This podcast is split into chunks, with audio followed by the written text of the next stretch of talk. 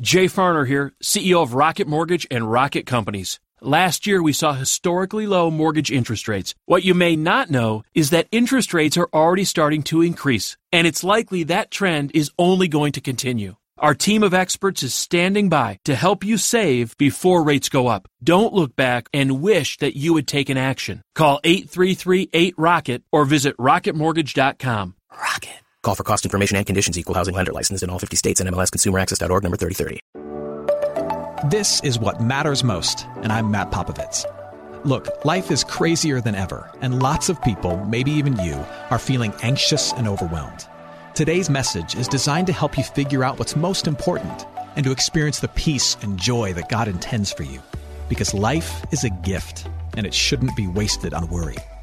I'd like to give you a resource, something to help you navigate the road ahead.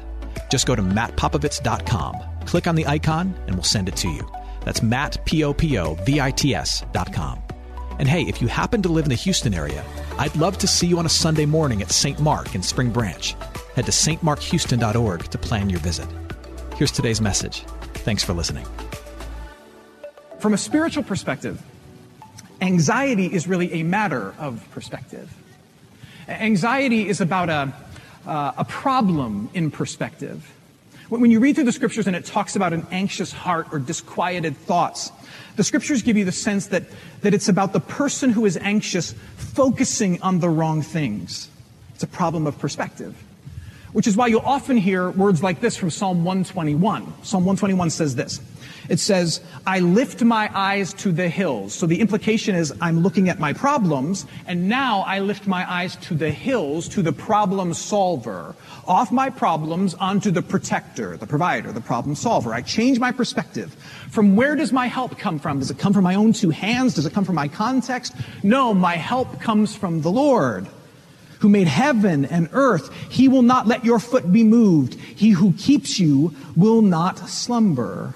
I remember when I was little, going over to my grandparents' house, and, I loved to sit in my grandfather's oversized recliner. I would rock back and forth, which he didn't really appreciate. And I would mess with the little table piled high with stuff that sat next to his recliner. Uh, on this little table was a pile of, of old issues of TV Guide. Remember TV Guide? And, and about a half dozen remote controls. And then a pile of prescription medications. And then on top of all that was this giant magnifying glass. And my, my grandfather would use the magnifying glass to read the TV guide so he could find which episode of MASH he wanted to watch on reruns. And then he would use one of the half dozen remote controls to turn the volume up to a thousand to scare me out of his chair. I remember sitting in that chair and, and I would often grab the magnifying glass. I loved to play with it. And what I would do, I, I remember I would, I would hold it like right up to my eye, like right next to my eye. Because when you did that, it was really cool everything kind of outside of the purview of the recliner would disappear. You couldn't see anything far away anymore. But everything that was like in your lap or in your hand suddenly became massive. And, and it overwhelmed your perspective. Your knees were huge. Your shirt was huge. Your hands. You could see in, in gruesome detail everything that was buried underneath your fingernails and every pore of your skin. And for a six year old, that was super cool. I bring that up because, because in my conversations with family and friends who have really wrestled with anxiety, the picture they paint for me of what it's like to be overcome with worry is, is well, it's, it's, it's like living with, with a pair of magnifying glasses like glued to both of your eyes. It is difficult to see much beyond a very small circle and everything that's like in your lap or in your hands, everything that's like right in front of you, the question that's in front of you, the choice that's in front of you, the problem that's in front of you is kind of like all you can see. It gets magnified. It overwhelms your entire vision. It becomes all you can see. Your perspective is only your problem in your hand or on your lap. And not only that, but your hands are magnified too, meaning that that your role in having to fix it all, to answer the question, to conquer it all, is also magnified. So kind of all you can see is the problem and that you've got to do something about it. Which is why very often you, you, will, you will talk to an anxious person and almost every sentence starts with I. I don't know what to do. I can't answer this. I can't conquer this. I can't deal with this. And it's not because they're being a narcissist, not at all. It's because all they can see is this giant problem in their giant hands, and their own two hands are the only things that they can think of to try and fix it. And it's swallowed their perspective whole, and it leaves them kind of feeling paralyzed. Which is why, when, when you're trying to love an anxious person, and you can be very well intended, but one of the worst things that you can do is tell them what to do. It's very tempting to say, well, well, just try harder, or just do these things, or just have more faith, or just make the decision. But from the anxious person's perspective, all you're doing when you, when you tell them to do something is you're putting another thing inside of their hands and just increasing the pressure that they're already feeling, and it fixes nothing. So then what's the, what's the right way to approach it, the right way to understand it from a spiritual perspective, perhaps? Well, we got a glimpse of that in Psalm 94 that we read a little earlier. Psalm 94 tells the story of a season in life for the, for the people of Israel where, where there was a lot of anxiety, a lot of worry, a lot of risk, and yet the Lord sustained them through it and saw them through it and opened their eyes up to hope in the middle of it. And it's instructive for us because it tells us how God loves his people through anxiety and worry and risk and fear. So, so let's take another look at Psalm 94. Uh, we're going to start at verse 14, then go verses 17 through 19.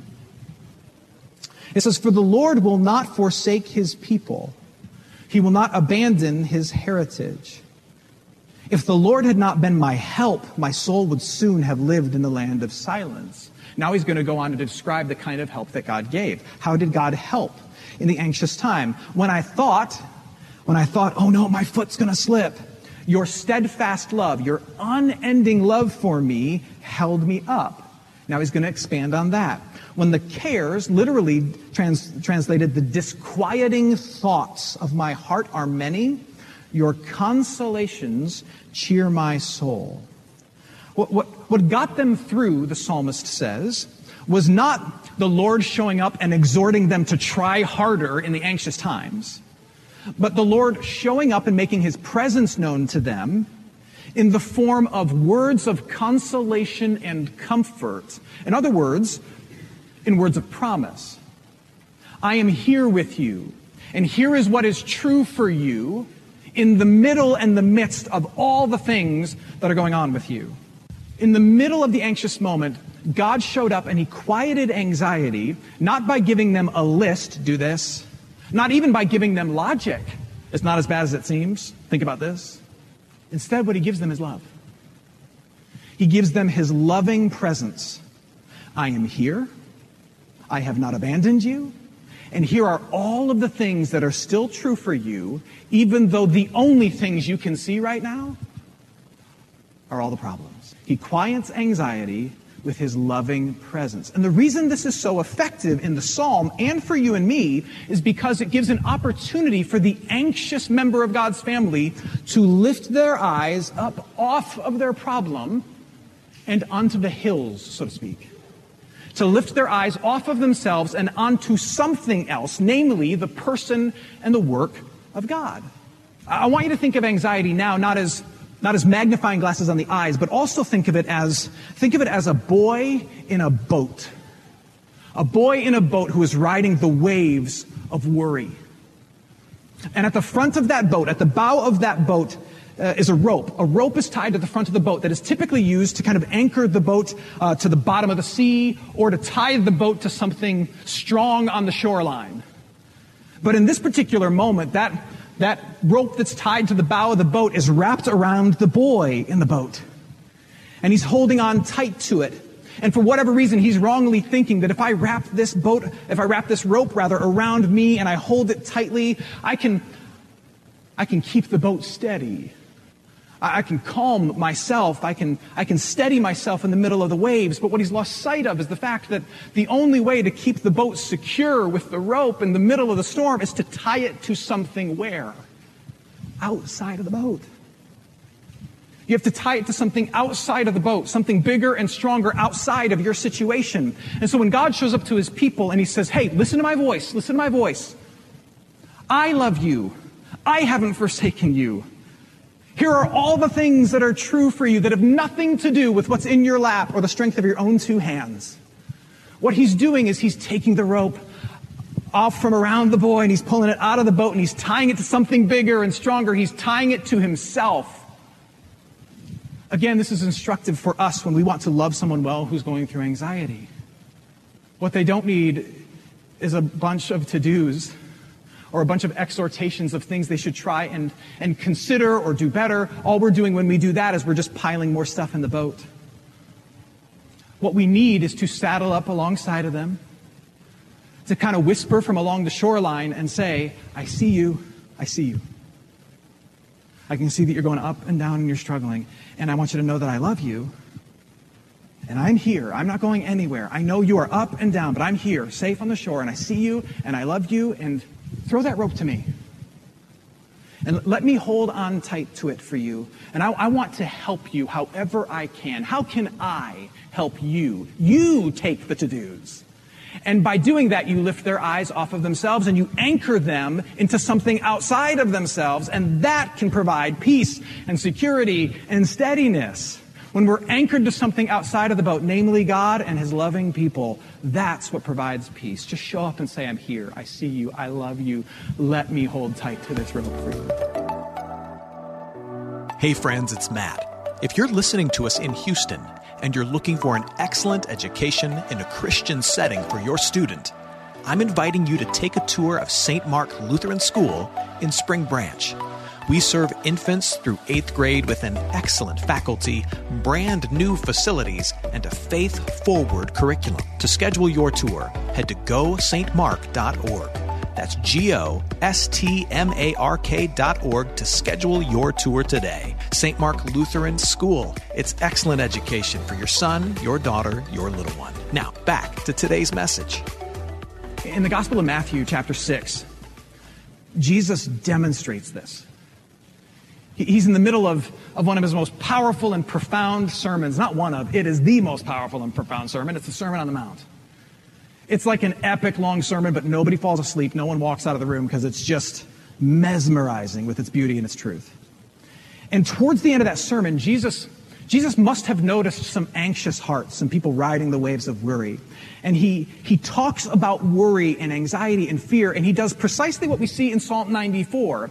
He, he looks at the anxious people in the room and he says, Think of God. I, I know all you can see is yourself, but think now. Think, think now of God. And let me tell you everything that's true about your Father in heaven. Tie your boat to him. Let me show you. Matthew chapter 6 uh, starting at verse 25. I'm just going to walk through these next eight verses. If you grew up going to church, these are going to sound really familiar to you. Jesus says, I tell you, do not be anxious about your life, about what you will eat or what you drink, nor about your body, what you will put on. Is not life more than food and the body more than clothing? Look at the birds of the air.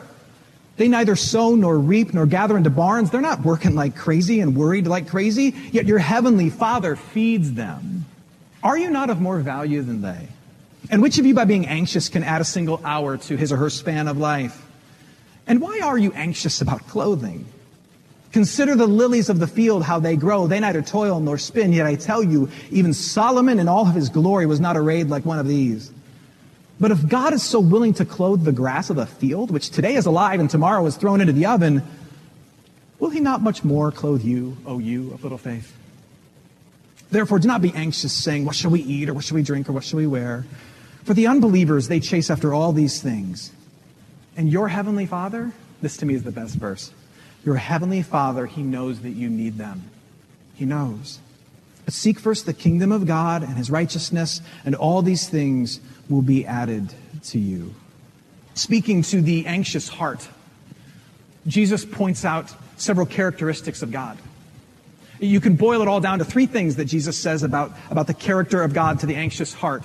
He says that, that God is greater, he says that God is good, and he says that God knows. God is so great, he can meet the needs of every breathing thing in all of creation, whether it's a breathing little plant or a breathing worried person, he meets the needs of all of it. That's how big and great he is. Remember that. Your father is great. Not only is that, he's good. He, he, is, he's so generous. He's so liberal in his love. He's just, he's just providing for the needs of like everybody. Like he, he's willing to make the flower that fades beautiful.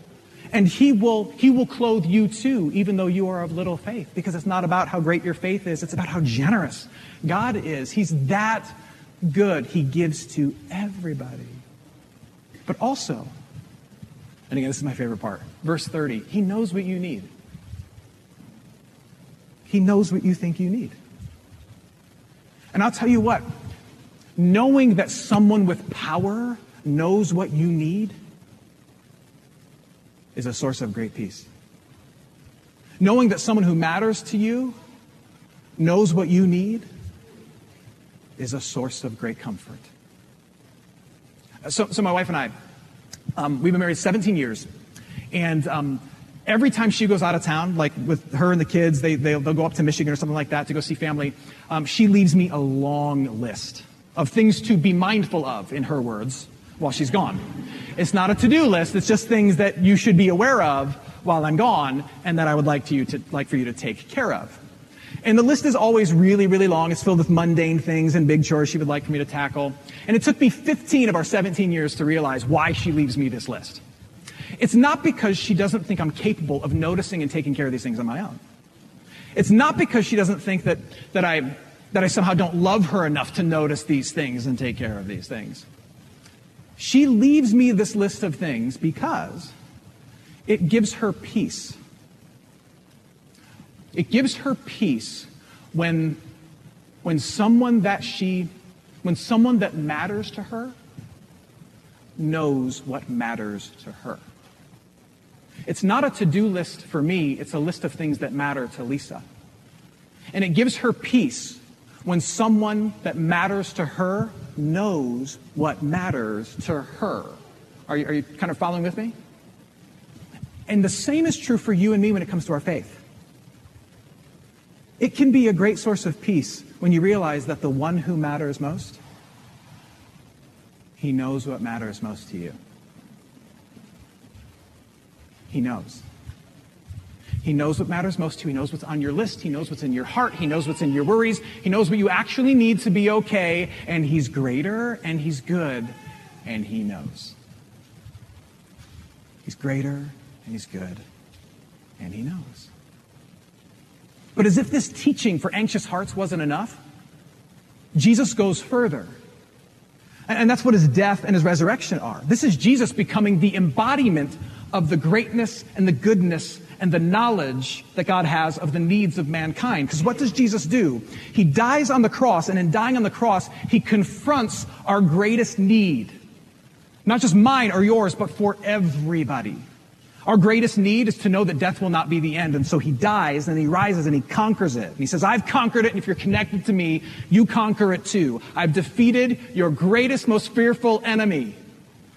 And then he says, also through this, through this death, every one of your sins is forgiven. You're now right with the Father. You see, what your greatest need is, is not to have certain clothing or certain food or to be in a certain diet or have a certain, certain level of pay from your job. What you, your greatest need is, is to be a member of the Father's family. And I have rebuilt that bridge through my sacrificial death and my rise from the grave. I have met your greatest need. I have shown that I am good. And I have done that for you and for everybody and for all. And now God the Father can look at you and me and he can say, you want to know how great I am, how good I am, how much I know about what you need? I have not even spared my own son. I allowed him to be torn to shreds so that your greatest enemy could be defeated and that your future could be secure. Now tell me what you have to worry about. Wow. He calms our anxiety with his presence and with those promises. He lifts our eyes off of our hands and anchors our heart to His goodness. Now, if you, if you wrestle with this, if you wrestle with this, my, my encouragement for you is to make the most of the good days. What I mean by that is, th- there are days when, when you are riding the waves of anxiety and it's crazy and it's got you feeling motion sick. And then there are days where the waters are relatively calm.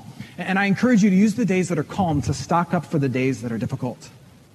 In particular, you, you need to find a way to, to to make that presence of God and the promises that are yours in Jesus a very real thing in your life so that you're holding them in your hand on the day when the waters get crazy.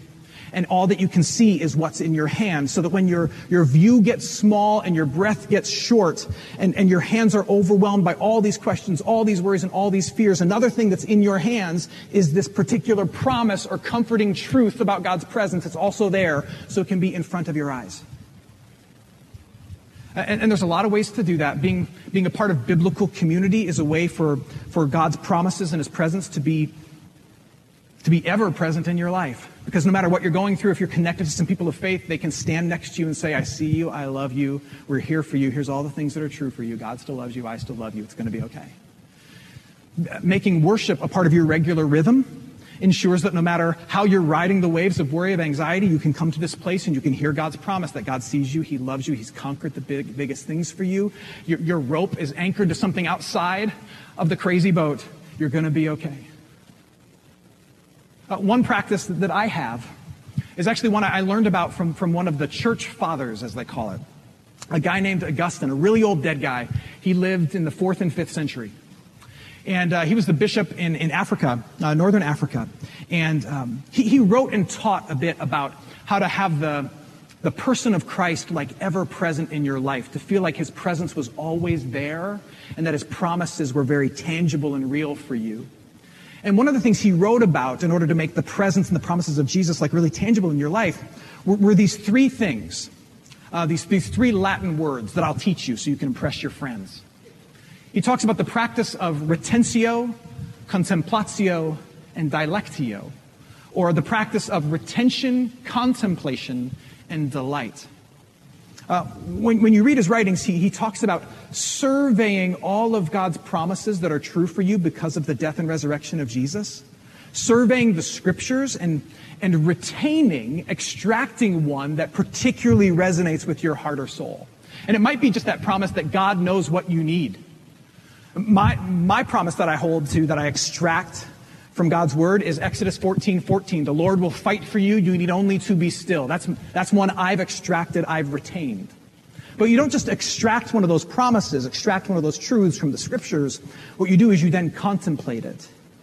You, you try to crack it open and understand it. You study it. You dive deep into it. You wrestle with it. You bring it up in Bible study here at St. Mark. You take a journal out. You start to write about it. You try to, you try to, you try to get it down to its essence and its core so you can feel like you really wrap your arms around it. And then, and then comes the delectio, which is where we get our word from, for delectable from. You take delight in it. You turn that truth over and over in your mind and in your heart, and you try to extract every piece of comfort and joy. In particular, in bad days, you try to extract every piece of comfort and joy and peace from it you can. Like a piece of great food, you just eat every little crumb and piece of it so that you can absorb every good thing that it has for you. Retentio, contemplatio, and delectio. Retain something, contemplate something and then delight in it. Now, if you're, if, you're, if you're paying close attention, what you'll notice is that what Augustine is trying to do, he's trying to redeem the habits of anxious hearts. Those of us who are anxious, what do we tend to do? We tend to look at the frightening world around us and we extract one particular scary thing or a set of scary things. We pull it from there, we retain it, we hold on to it. And we fix our eyes on it, and then we contemplate it. We think about it day and night. We try to crack it open we study the scary thing. We, we ponder the scary thing. We worry obsessively about the scary thing. We contemplatio the scary thing. And then, as if that's not enough, once we think we've really discovered what the big issue is, what the big problem is, we don't like to admit this to people, but we take delight in the fright of the thing. We soak every bit of angst out of it that we can, like picking at a wound, because somehow perversely we think it will make things better but it makes them worse. And what Augustine is saying is this that habit that you have of picking out something, contemplating it, and trying to suck anxiety out of it, take that and do that with Him. Pull a truth, a promise that is true for you in Jesus, crack it open, and then hold it tightly turn it over and over in your brain, just like you do the worries around you. Turn it over and over in your brain and draw out every piece of comfort that you possibly can. Make that the habit of your heart and watch how it helps on the days when the waves are high. Hey, it's Matt. I hope you enjoyed what matters most. Here's what I need you to know life is a gift, and it shouldn't be wasted on worry. I want to help you figure out what's most important and to experience the peace and joy that God intends for you. So, for more content, you can head to mattpopovits.com. That's Matt, P O P O V I T S.com. There, you can also support this ministry as well as access your free resource, a little something to help you navigate the road ahead. I'd also love to see you on a Sunday morning. If you're in the Houston area, head to stmarkhouston.org to plan your visit. In the meantime, hit me up on Instagram at mpopovits or at facebook.com slash Matt Popovits Ministries. Thanks for listening. Now go and hold tight to what matters most.